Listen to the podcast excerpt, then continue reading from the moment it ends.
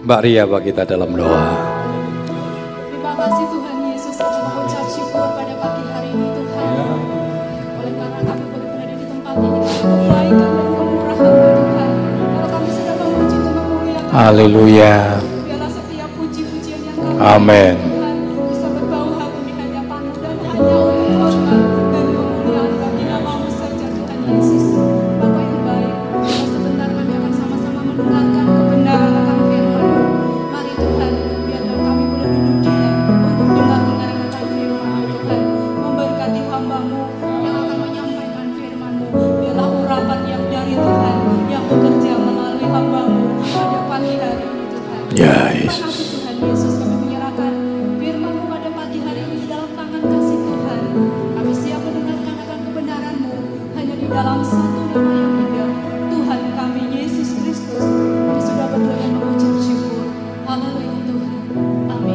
Amin. Puji Tuhan. Silakan duduk. Selamat pagi. Selamat kita boleh kembali bertemu dalam kasih Tuhan Yesus Kristus.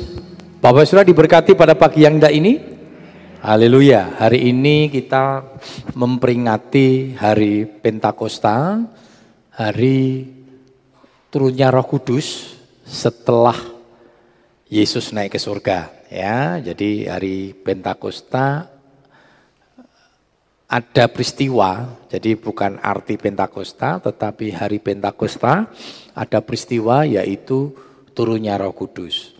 Hari Pentakosta dirayakan oleh orang Israel dan kalau kita merayakan Pentakosta seperti minggu yang lalu saya sampaikan itu tepat.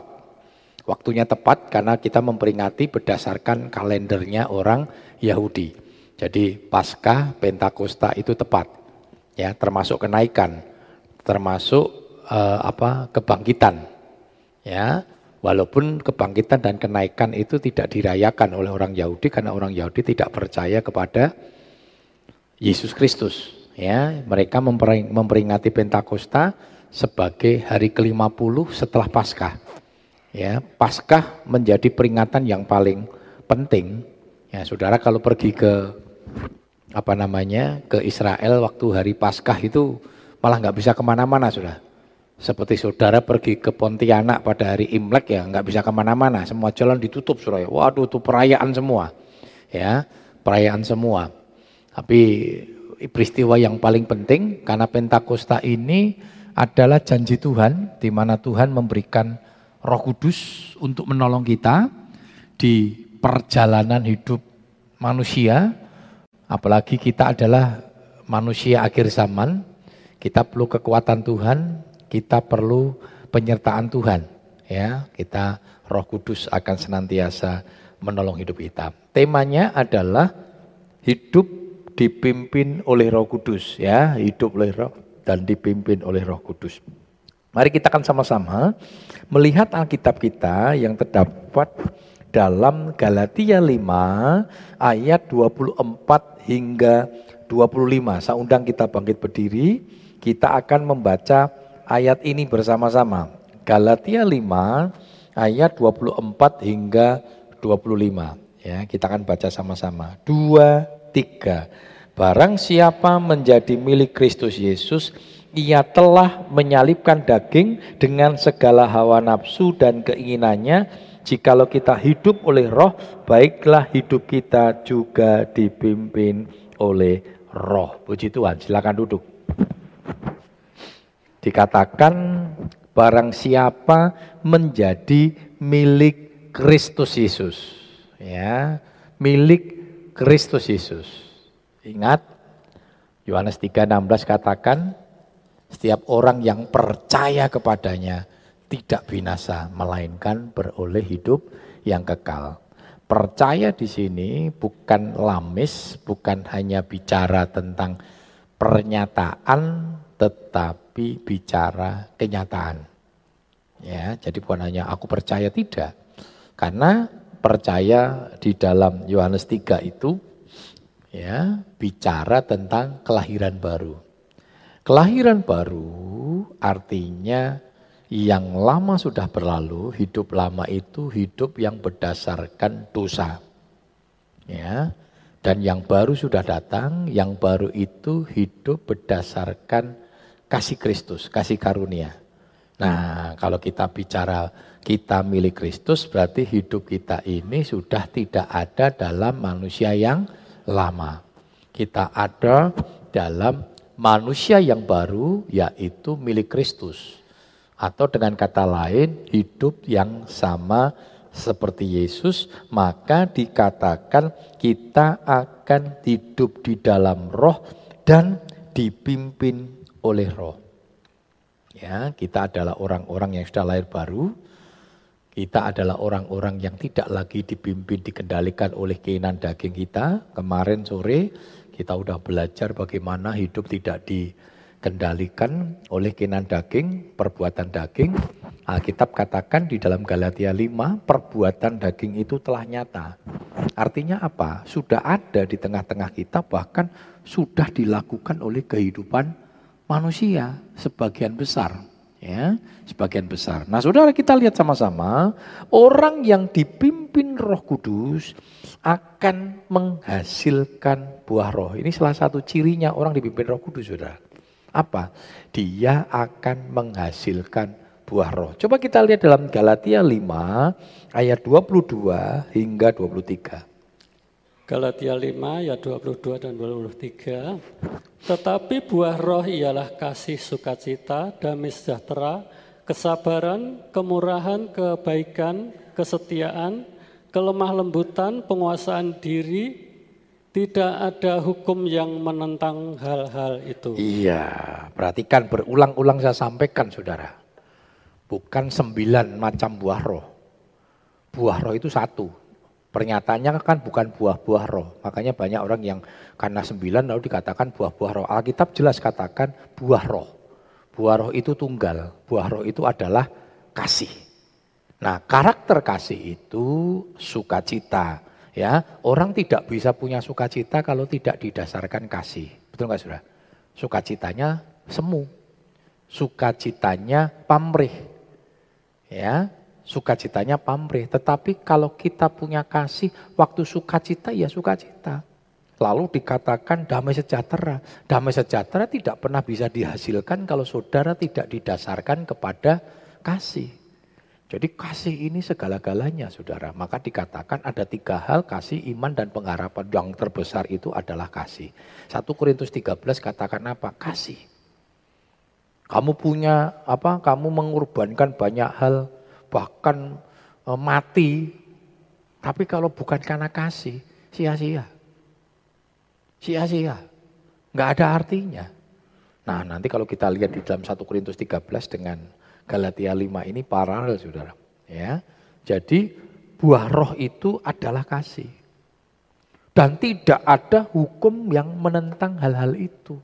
Nggak ada. Karakter kasih ini nggak ada yang bisa dihukum, dipidanakan. Tidak bisa saudara. Yang dasarnya kasih. Saudara datang membawa damai sejahtera kan nggak bisa dihukum saudara. Nggak bisa. Walaupun pada akhirnya Yesus itu dihukum dengan cara paksa. Dieksekusi karena hoak. Walaupun sebenarnya dari segi pemerintah sudah menyatakan sebenarnya pengadilan itu sudah menyatakan ini nggak bersalah gitu. Tapi kan orang Yahudi memaksa, saudara. Makanya film-film The Passion itu, saudara, orang Israel sedikit protes. Mereka ngomong sepertinya ke orang Israel yang membunuh Yesus. Mereka protes, yang bunuh bukan kami, yang bunuh itu Romawi. Ya, ketika film Passion itu dimunculkan kan sempat protes, salah, mereka nggak ngerti sejarah itu. Bahkan sampai mereka mengalami diaspora selama hampir 200 tahun. Itu kan gara-gara pernyataannya ketika Pilatus berkata aku tidak bertanggung jawab atas darah orang ini. Dia cuci tangan dan orang-orang Israel berkata dengan sombongnya, dengan arugannya. Kami dan anak cucu kami yang akan bertanggung jawab atas darah orang ini. Tahun 70 Jenderal Titus menghancurkan bait Allah. Lalu orang Israel mengalami diaspora, dikejar ke mana-mana. Nah, kita lihat sama-sama. Ciri orang yang dipenuhkan roh kudus dipimpin adalah kasih. Kasih itu menjadi penting. Kasih itu bukan sekedar slogan. Ada seorang penulis saudara. yang menuliskan buku, sebuah buku. I am not Kristen. Dia berkata, saya bukan orang Kristen. Kan jengkelin saudara. Tema judul buku ini kan jengkelin sebenarnya. Kayak dulu ada apa ya, sitkom saudara ya. Situasi komedi saudara ya. Jeng, jeng, jengkelin saudara. Wah itu kalau saya ketemu tak, wah tak tapui saudara. Jengkel, bisa saja ya mainnya ya.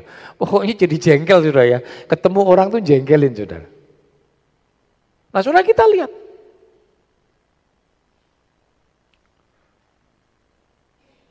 Kita harus senantiasa ada di dalam pimpinan roh kudus. Pimpinan roh kudus. Dan orang yang dipimpin oleh roh kudus, dia akan menghasilkan buah. Yaitu kasih. Ya, Nah saudara, orang yang hidup dipimpin oleh roh kudus, semakin hari hidupnya akan semakin seperti Kristus. Dia dipimpin oleh roh itu menghasilkan buah, ya buahnya adalah buah roh, buah roh adalah kasih. Ya, jadi dasar orang Kristen harusnya kasih. Sebab yang tadi ya, ada seorang yang menulis buku yang berkata saya bukan orang Kristen, Kenapa saudara? Inti dari tulisan itu dia katakan begini saudara. Yang diperlukan dunia dari orang Kristen adalah bukti kasih. Bukan slogan tentang kasih. Kasih itu nggak perlu dinyatakan. Kasih itu kenyataan. Kalau hanya statement, hanya pernyataan gampang. Saudara. Tapi kasih itu adalah kenyataan. Tidak lama lagi saudara akan merasakan kasih. Merasakan kasih. Tapi kasih yang munafik. Kasih yang pamrih. Kenapa? Butuh suara Anda. Betul nggak saudara? Wah ini legislatif bareng. Ya.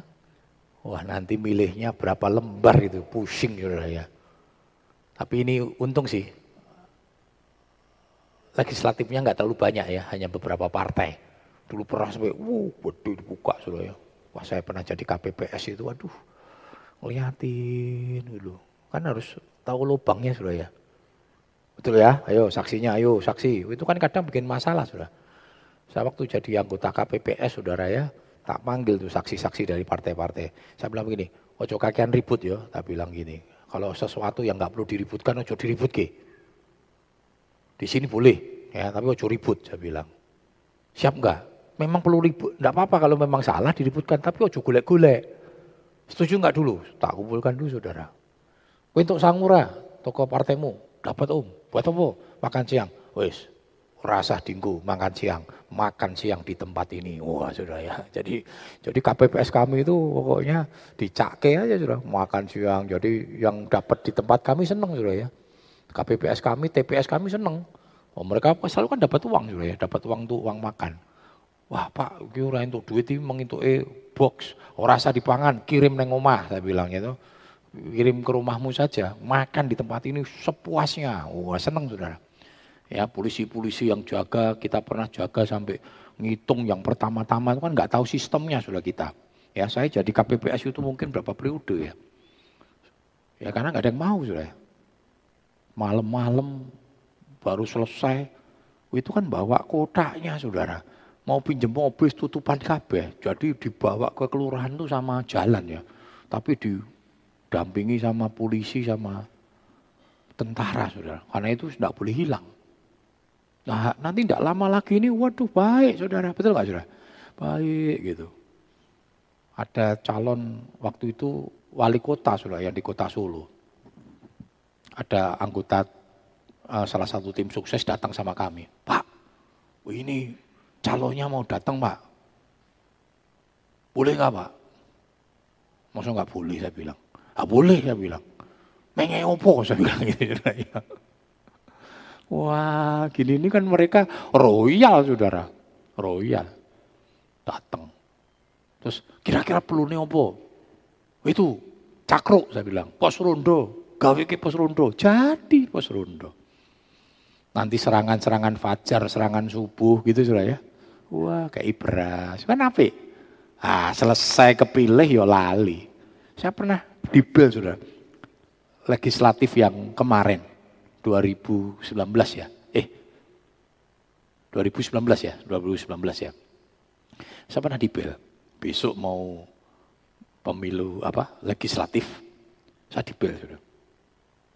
Dia dapilnya Salatiga dan Semarang untuk pusat, DPR pusat. Ya, tokoh nasional kalau saya sebutkan sudah tahu. Pak Pendeta, karena saya pernah ketemu sudah ya, ketemu pada waktu dia di Semarang, datang ke kantor GPDI, ya biasa. Wah semua kalau iso ditekani sudah. Di bel. Malam-malam itu, besok mau pemilu. Pak Pendeta, saya takut katanya. Lu kenapa? Saya bilang, waduh, ini suara saya ini takut digerus oleh partai yang lain katanya. Doakan saya Pak, supaya saya kepilih katanya. Saya nyatakan begini sudah. Salah takut mbak pendeta. Pak, percaya nggak semua ada dalam rancangan Tuhan saya bilang. Percaya. Karena dia orang Kristen sudah. Kalau Tuhan izinkan, Tuhan izinkan. Mau digerus gak digerus, suaramu pasti pak, tetap ada. Yang penting bukan itu. Yang penting kue naik kepilih, bisa ndak kamu menjalankan sesuai dengan firman Tuhan. Menjalankan sesuai dengan firman Tuhan. Siapa pendeta? Doakan saya pak, aku wedi. Tak doa no sudah. Ya doakan saya bukan supaya kepilih supaya kendakmu jadi. Wih kepilih sudah. Bahkan di dapilnya Jawa Tengah ini dua suaranya paling banyak. Tidak lama kemudian dilantik, orang lama kemudian diangkat menteri, tidak lama kemudian korupsi. Korupsi, sekarang di penjara sudah. Itu saya ini wis, waduh, ketemu calon-calonnya, wah ceplak-ceplok. Masih ingat ya? Waktu almarhum Pak Dar meninggal itu itu dua calon datang semua saudara. Saya datangnya kebetulan untuk telat. Maksudnya bukan telat waktunya. Wis rame baru teko saudara. Wih ini dua calon ini teko. Ya meh milih. Coba nek orang surah pilihan. Orang ono sing teko. Di mana-mana hadir loh saudara. Saat datang saya turun dari mobil. Wah kaya jagoan saudara. Saya turun dari mobil, saya turun gitu dua calon langsung mari Pak pendeta ceplak ceplok saya tahu cipika cipiki saya ini orang yang jarang cipika cipiki yang satu ragilem kalah. Woi Pak pendeta. Dirangu ceplak ceplok dia mau tunjukkan kilo pendeta mungkin milih aku apa be aku milih itu kasih yang nanti banyak saudara. Tapi ropopo dimanfaatkan aja lah saudara. Oh saudara jaluk toh. Kayak beras pak dukung saya, dukung. Oh, saya itu dukung kabeh sudah. Ketemu calonnya, Pak Agus dukung, dukung no. Dukung dalam doa kan gitu ya. Nek nyoblos yang tahu cuma kota, betul nggak sudah ya? Yang tahu kota kan kita rahasia, kan rahasia sudah. Nggak boleh kan nyoblos di depan. Wah, lihat saya nyoblos ini, blos nggak boleh sudah. Oh itu ditangkap, ya. Itu banyak sekali sudah. Ya. Jadi kasih yang pamrih, Kasih itu nggak boleh pamrih, saudara. Nah, saudara kita lihat sama-sama dalam 2 Korintus 3:18. Orang yang dipimpin Roh Kudus akan semakin hidupnya akan seperti seperti Kristus. 2 Korintus 3 ayat yang ke-18. Dan kita semua mencerminkan kemuliaan Tuhan dengan muka yang tidak berselumbung. Dan karena kamu kemuliaan itu datangnya dari Tuhan yang adalah roh, maka kita diubah menjadi serupa dengan gambarnya dalam kemuliaan yang semakin besar. Iya. Luar biasa, Saudara. Hidup kita harus sama seperti Yesus. Amin. Ini ciri orang dipimpin Roh Kudus. Oh namanya dipimpin Roh Kudus. Roh Kudus itu sama Tuhan sama dengan Yesus ketritunggalan. Kok uripe ora padha Yesus. Hati pimpin sopo, Saudara? Hidup kita harus sama seperti Yesus. Sudah seperti Yesus? Alkitab katakan waktu kita bercermin, wah samar-samar kita melihat wajah Yesus. Itu menjadi tema gereja kita kan. Visinya apa? Berakar, bertumbuh, berbuah, menuju kedewasaan di dalam Yesus Kristus. Jadi goalnya, goal saya sebagai gembala untuk GBD Siloam, membawa jemaat GBD Siloam untuk memiliki hidup yang sama seperti Yesus. Nah saya sebagai gembala ya harus belajar dulu. Mari kita bersama-sama berjalan memiliki hidup yang semakin hari semakin sama seperti Yesus. Kita di bawah ke arah sana. Yang kedua, orang yang dipimpin oleh Roh Kudus akan dipersiapkan menghadapi peperangan akhir zaman. Seperti minggu yang lalu saya sudah sampaikan. Kita ini sedang berada di zaman akhir yang senang tidak senang, suka nggak suka, kita diperhadapkan dengan tantangan yang sangat berat, sangat sulit. Kalau ada banyak jemaat yang datang dengan berkata, Om, abot, Om hidup ini. Ya memang berat, saudara. Karena itu jangan andalkan kekuatanmu. Tidak mampu. Sakaria 4 kata ayat yang ke-6 dikatakan bukan oleh gagah dan kuat. Andalkan kekuatan Tuhan. Karena kalau andalkan kekuatan manusia nggak mampu, saudara. Karena itu roh kudus memberikan kekuatan kepada kita, kemampuan untuk menghadapi peperangan akhir zaman. Dan kita sedang dipersiapkan untuk itu. Makanya kenapa Yesus naik ke surga dan dia berkata, aku akan menyertai kamu sampai akhir zaman. Kenapa Tuhan katakan itu? Karena tahu peperangan akhir zaman itu tidak mudah. Dengan kekuatan manusia loh saudara ya. Tapi menjadi begitu mudah ketika kita menghadapi itu dengan kekuatan Tuhan menghadapi itu dengan kekuatan Tuhan. Itu menjadi mudah karena kekuatan Tuhan itu luar biasa ya. Kekuatan Roh Kudus itu luar biasa. Nah, Saudara, musuh dalam peperangan rohani itu apa, Saudara? Yaitu perkara-perkara duniawi. Wah, ini Saudara.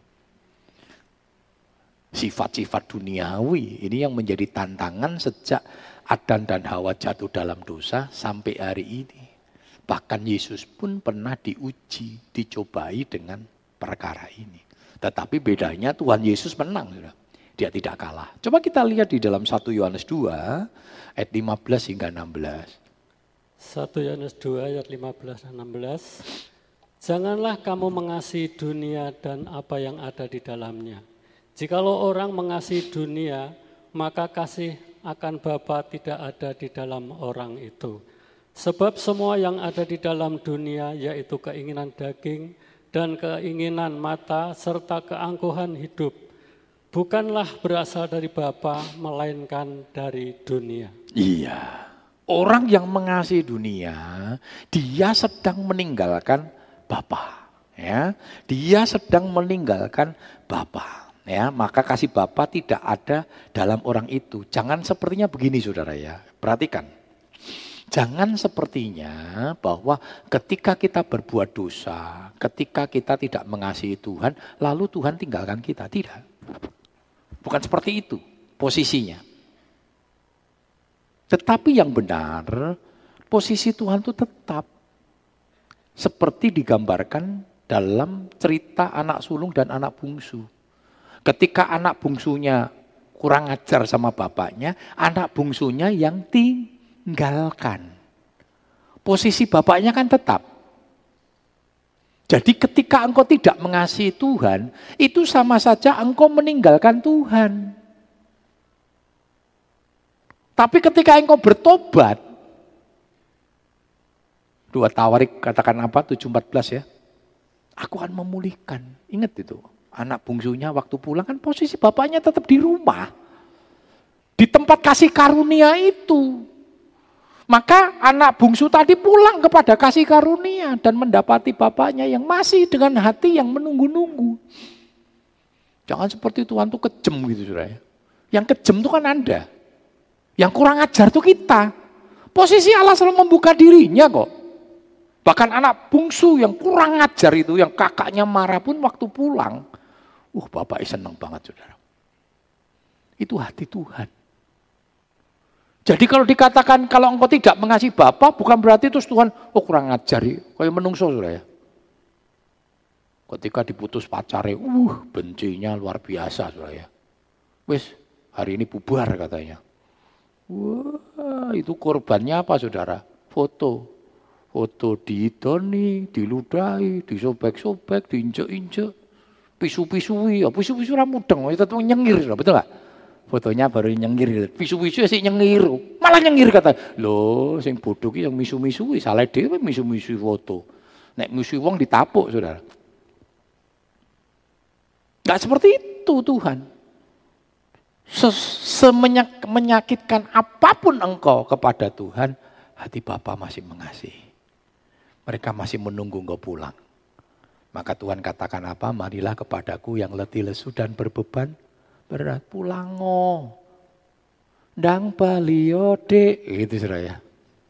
Ada ya lagu itu Tapi bukan lagu rohani yo. Ojo dinyanyi ke engko. Wah, oh yo apa yo? Dang balio. Apa itu lagu apa ya? Tuhan merindukan. Tuhan merindukan. Nah saudara, tantangan yang terberat adalah nilai-nilai duniawi. Itu yang memisahkan engkau dari Tuhan. Dengan engkau memilih untuk hidup memiliki sifat-sifat duniawi, berarti sifat-sifat ilahi sudah tidak ada. Karena dosa tidak pernah bisa bersatu dengan kebenaran. Dengan kata lain, kebenaran juga tidak bisa, bisa bersatu dengan dosa. Karena itu jangan sampai kita memiliki sifat-sifat duniawi. Apa itu? Keinginan daging, keinginan mata, dan keangkuhan hidup. Tiga hal ini yang membuat jatuh. Adam dan Hawa jatuh. Tuhan dicobai dengan tiga hal yang sama. Ketika dia puasa 40 hari 40 malam. Terus ada orang ngomong begini sudah, Yesus kan puasa, puasa, puasa minum eh puasa makan enggak minum. Siapa yang bilang? Namanya poso yo poso yang menciptakan poso-poso dengan berbagai macam berbagai macam modelnya. Kalau zaman dulu bilang kita berkata puasa ya orang mangan orang ngombe saudara. Sekarang kan poso beduk. Nah saudara ya apa itu poso beduk? Beduk buka beduk buka. Berarti sehari lima kali saudara. Beduknya penglimo saudara. Itu malah mangane lebih saudara. Ada poso mutih. Jadi mangane memputihan Mbak Pau ya putih. Ah lo. Hati-hati, sekarang kan poso itu kan di berbagai macam bentuk E, sudah. Enggak ada puasa, kita puasa ya tidak makan, tidak minum. Bagaimana mungkin Yesus di padang gurun poso oh, apa memakan roh ngombe ini. Lah meh ngombe ngombe neng di neng padang gurun. Mosok nggawa galon. Wah, Yesus meh poso nggo tempayan sih. Nah, ada Saudara. Lalu dicoba ya, suruh membuat batu menjadi roti. Bisa nggak? Bisa. Tapi Tuhan nggak mau mencobai. Ya, makanya Ibrani katakan apa? Dia dicobai, tapi bedanya Yesus nggak jatuh dalam dosa. Kenapa? Kenapa Yesus nggak jatuh dalam dosa? Kenapa sering kali manusia jatuh dalam dosa? Manusia menggunakan logika. Adam dan Hawa menggunakan logika. Tidak menggunakan fir, firman. Waktu iblis berkata, nek kamu makan kamu bisa melihat seperti Allah. Waduh, iyo yo, iyo yo katanya. Wah, caplok, cakot. Ini yang jadi rame tuh. Sehingga itu so hawasi. Maka wanita ini yang bikin dosa. Terus ada yang ngomong begini, Kenapa Hawa jatuh dalam dosa? Karena Hawa meninggal, karena Adam baru tidur. Alkitab pernah mencatat, saudara. Adam turun ini goro-goro film Genesis, saudara. Ya toh? Film Adam dan Hawa pertama kalian Genesis, saudara ya. Itu diceritakan Adamnya agak turu, terus Hawa ini melaku-melaku dewi. Iki ora Alkitabiah. Alkitab berkata Adam itu ada di sampingnya Hawa ning adame kendel kemawon kebiasaan bapak-bapak model sekarang mungkin sudah ya. Makanya dari sejak dulu bapak-bapak eskalah. Mungkin ada yang ngomong gini, wah rasa menang gue. Rasa ngurusi. Wah ibu-ibu kan sering kali gitu ya. Mah tuku ini. Mama larang, meneng gue, ora ngerti apa-apa, lanang iki meneng gue katanya. Wis kowe ngerti beres Saudara.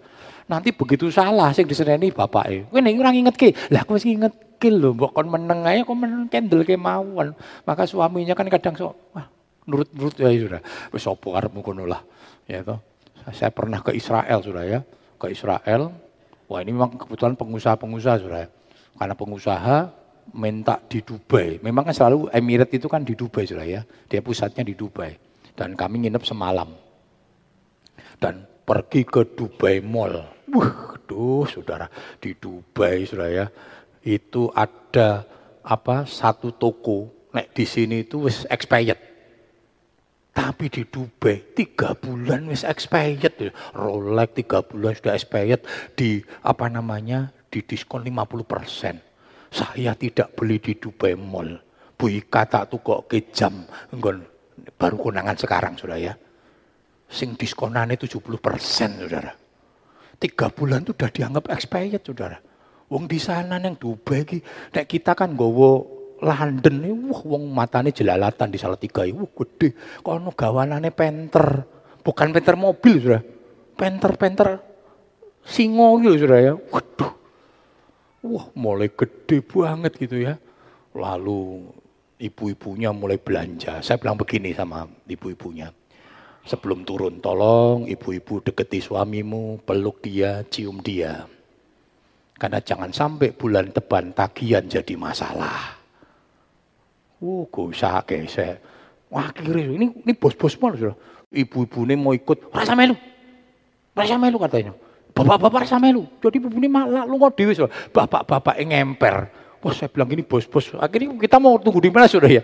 Duduk di pinggiran ini linggi-linggi itu. Terus saya bilang tak fotoin ya. Tak kayak nih karyawanmu bosnya pada ngemper kabeh sudah. Begitu pulang gawanane sudah. Aduh itu bagasinya naik. Mereka tuh luar biasa loh, saya enggak tahu tekniknya. Nek saya enggak pernah lakukan itu, nggak tuku masalah duit. Jadi kalau mereka berberangkat sudah bawa koper yang bisa dilepit, ada ya tas itu sudah. Kenapa saya bilang ngapain? Oh bapak nggak ngerti katanya. Pulang nih penuh pak, kadang kurang. Waduh luar biasa, luar biasa. Makanya ibu-ibu GPD Sulam jangan seperti itu ya, saudara ya. Nah sudah kita lihat, dan dan jatuh. Yang kedua, musuh dalam peperangan rohani apa sudah? Iblis. Coba kita lihat dalam Efesus 6 ayat 10 sampai 12. Efesus 6 ayat 10 sampai 12. Akhirnya hendaklah kamu kuat di dalam Tuhan, di dalam kekuatan kuasanya. Ke, kenakanlah seluruh perlengkapan senjata Allah supaya kamu dapat bertahan melawan tipu muslihat iblis. Karena perjuangan kita bukanlah melawan darah dan daging, tetapi melawan pemerintah-pemerintah, melawan penguasa-penguasa, melawan penghulu-penghulu dunia yang gelap ini, melawan roh-roh jahat di udara. Perhatikan sudah, musuh kita bukan darah dan daging, minggu yang lalu saya sudah sampaikan, musuh kita adalah penguasa-penguasa, roh-roh jahat, iblis. Iblis tidak pernah jadi sahabat kita, jangan pernah bersahabat dengan iblis, iblis selalu menjadi musuh kita karena iblis ini bapaknya pembohong. Iblis itu dusta, tidak ada kebenaran. Ya, karena itu jangan pernah mau diputar balikan oleh iblis. Iblis itu pinter, saudara. Iblis itu pinter. Dia punya pengalaman ribuan tahun. Dan Tuhan juga menciptakan Lucifer itu dengan hikmat yang dahsyat. Karena itu jangan mau diwolak-walik. Ya. Jangan pernah mau berdebat dengan firman. Saya nggak mau. Ya. Saya punya apa namanya? Ada ipar saudara. Wah sering kali pokoknya naik firman Tuhan itu di, wah, dibicarakan terus sudah. Dibantai terus sudah. Kakak saya sama adik saya, jadi adik nomor dua sudah ya. Asal dia tanya, ada firman, dia debatnya sama kakak sama adik saya. Sampai kakak sama adik saya ngomong, wih, tak kok mbak Agus katanya. Mek kita ramudeng. Bener, sudah satu kali ngumpul, saya tanya begini, hei, weh sering kali debat firman Tuhan, saya debat mbak aku. Lagi, wah, dia mempersiapkan, ternyata memang udah dipersiapkan juga. dia tanya begini, tanya begini. Sampai bilang lo tak jawab dia nggak bisa ini ya. Wih rasa debat mbak saya saya bilang. Kira ngerti firman. Terus saya bilang begini ya, kowe nek hidupmu seperti ini kau ora diberkati mbak Tuhan. Kakian debat firman Tuhan. Firman Tuhan itu kebenaran. Jangan debat firman, saudara. Firman itu kebenaran. Dan firman pun percuma berdebat wong dia kebenaran, saudara. Amin. Firman Tuhan buat debat percuma juga dia kebenaran. Saudara nggak percaya sama firman Tuhan, tidak akan mengurangi firman itu kebenaran. Karena itu hiduplah di dalam firman.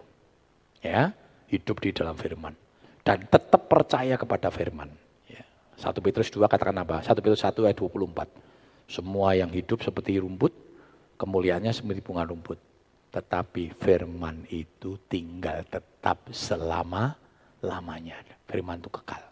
Ya, Selanjutnya, orang yang dipimpin Roh Kudus mampu mengatasi pencobaan dan pergumulan ini. Salah satu tadi ya. Kita dipelengkapi, ada banyak pergumulan, ada banyak pencobaan ya yang Tuhan izinkan, tetapi jangan lupa pencobaan dan pergumulan itu selalu melewati seleksinya Tuhan. Enggak bisa serta merta, saudara. Enggak bisa serta merta. Masih ingat Ayub mau dicobai, iblis minta izin dulu sama Tuhan. Dan Tuhan kontrol itu. Tuhan kontrol. Nah, saudara kan kuat ketika sudah andalkan Tuhan, karena Tuhan tahu kemampuan kita. Tetapi ketika menghadapi pencobaan dan persoalan itu dengan kekuatanmu, dengan kesombonganmu, dengan kearogananmu, yang kau tidak akan mampu. Kau tidak akan pernah mampu. Coba kita lihat sama-sama dalam 1 Korintus 10 ayat yang ke-13. 1 Korintus 10 ayat yang ke-13. Pencobaan-pencobaan yang kamu alami yang kami, maaf saya ulang, pencobaan-pencobaan yang kamu alami ialah pencobaan-pencobaan biasa yang tidak melebihi kekuatan manusia. Sebab Allah setia karena itu ia tidak akan membiarkan kamu dicobai melampaui kekuatanmu. Pada waktu kamu dicobai, ia akan memberikan kepadamu jalan keluar sehingga kamu dapat menanggungnya. Perhatikan, pencobaan-pencobaan yang kamu alami biasa, umum, bukan yang hebat. Tidak ada persoalan itu hebat sebenarnya. Kalau engkau melihat itu dengan kekuatan Tuhan. Amin. Ada. Biasa. Bahkan dikatakan kamu akan dapat melampaui. Kenapa? Karena itu tidak akan malah melampaui kekuatanmu. Ini Indonesia ini rame sudah mau melawan Argentina dalam apa namanya urutan FIFA nomor satu Indonesia 154 Wah ini saya yakin Indonesia ini latihannya tenanan ya. Yang sehari 5 jam jadi 25 jam gitu lah ya. Mau sak jam itu kondi. Saya yakin Argentina yang guyang-guyu aja sudah ya. Saya nggak tahu nanti berapa kosong sudah ya. Saya nggak tahu sudah. Tapi juga harus hati-hati juga sudah. Argentina kalau nyepelek ke seperti kita, Allah tenang, masalah yang ngono tenang. Rasa melibatkan Tuhan. Ah, kelenger sudah seperti kota Ai ya. Kota Ai, Jericho dihancurkan oleh set, uh, oleh Israel, lalu menghadapi kota Ai, usah libatkan Tuhan. Oh, dihancurkan. Argentina nek nyepelek ke, walah karo tutup mata, ya, waduh. Kegulan bingung ya, begitu kegulan bingung sudah. Nah saudara, biasa. Tidak akan melebihi kekuatanmu. Dan yang luar biasa lagi, Tuhan itu setia, dia berikan jalan keluar. Tidak ada persoalan dalam hidup ini tanpa jalan keluar. Selalu ada jalan keluar. Ya, persoalannya biasa, karena apa saudara? Kuasa roh kudus itu hebatnya luar biasa. Coba kita lihat dalam Efesus 1 ayat 19 hingga 20. Efesus 1 19 hingga 20. Efesus 1 ayat 19 sampai 20. Dan betapa hebat kuasanya bagi kita yang percaya sesuai dengan kekuatan kuasanya yang dikerjakannya di dalam Kristus dengan membangkitkan dia di, dari antara orang mati dan mendudukkan dia di sebelah kanannya di surga. Iya, betapa hebat kuasanya. Kuasa Tuhan itu hebat. Hebat ini artinya memiliki kekuatan tanpa batas. Memiliki kekuatan tanpa batas. Dengan kata lain dalam bahasa aslinya dikatakan megatos. Megatos itu kekuatan yang mega yang tak terhingga yang tidak memiliki batas. Luar biasa, saudara. Jadi kalau setan punya kekuatannya itu seribu kilo, kekuatan kita nggak terbatas. Jangan ngomong gini, setan seribu kilo, kekuatan Tuhan dua ribu berarti ada batasnya. Mau dua ton, kekuatan Tuhan melebihi dua ton tanpa batas.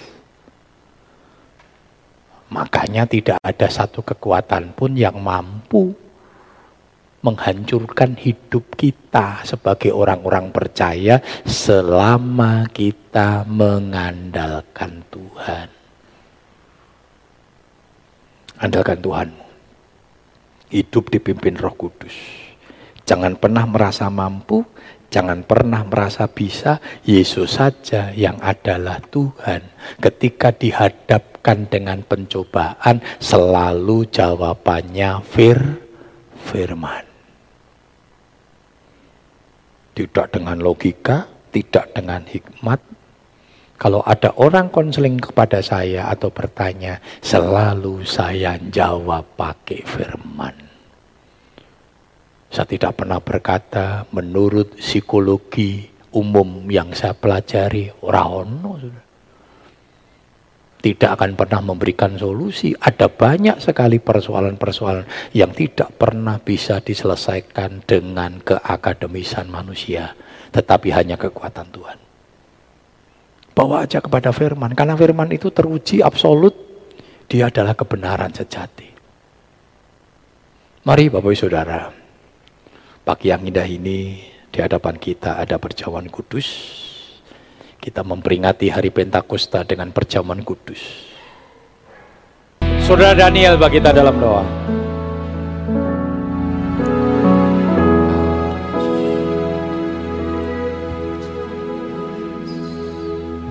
Bapak kami yang baik dan juga terima kasih Tuhan.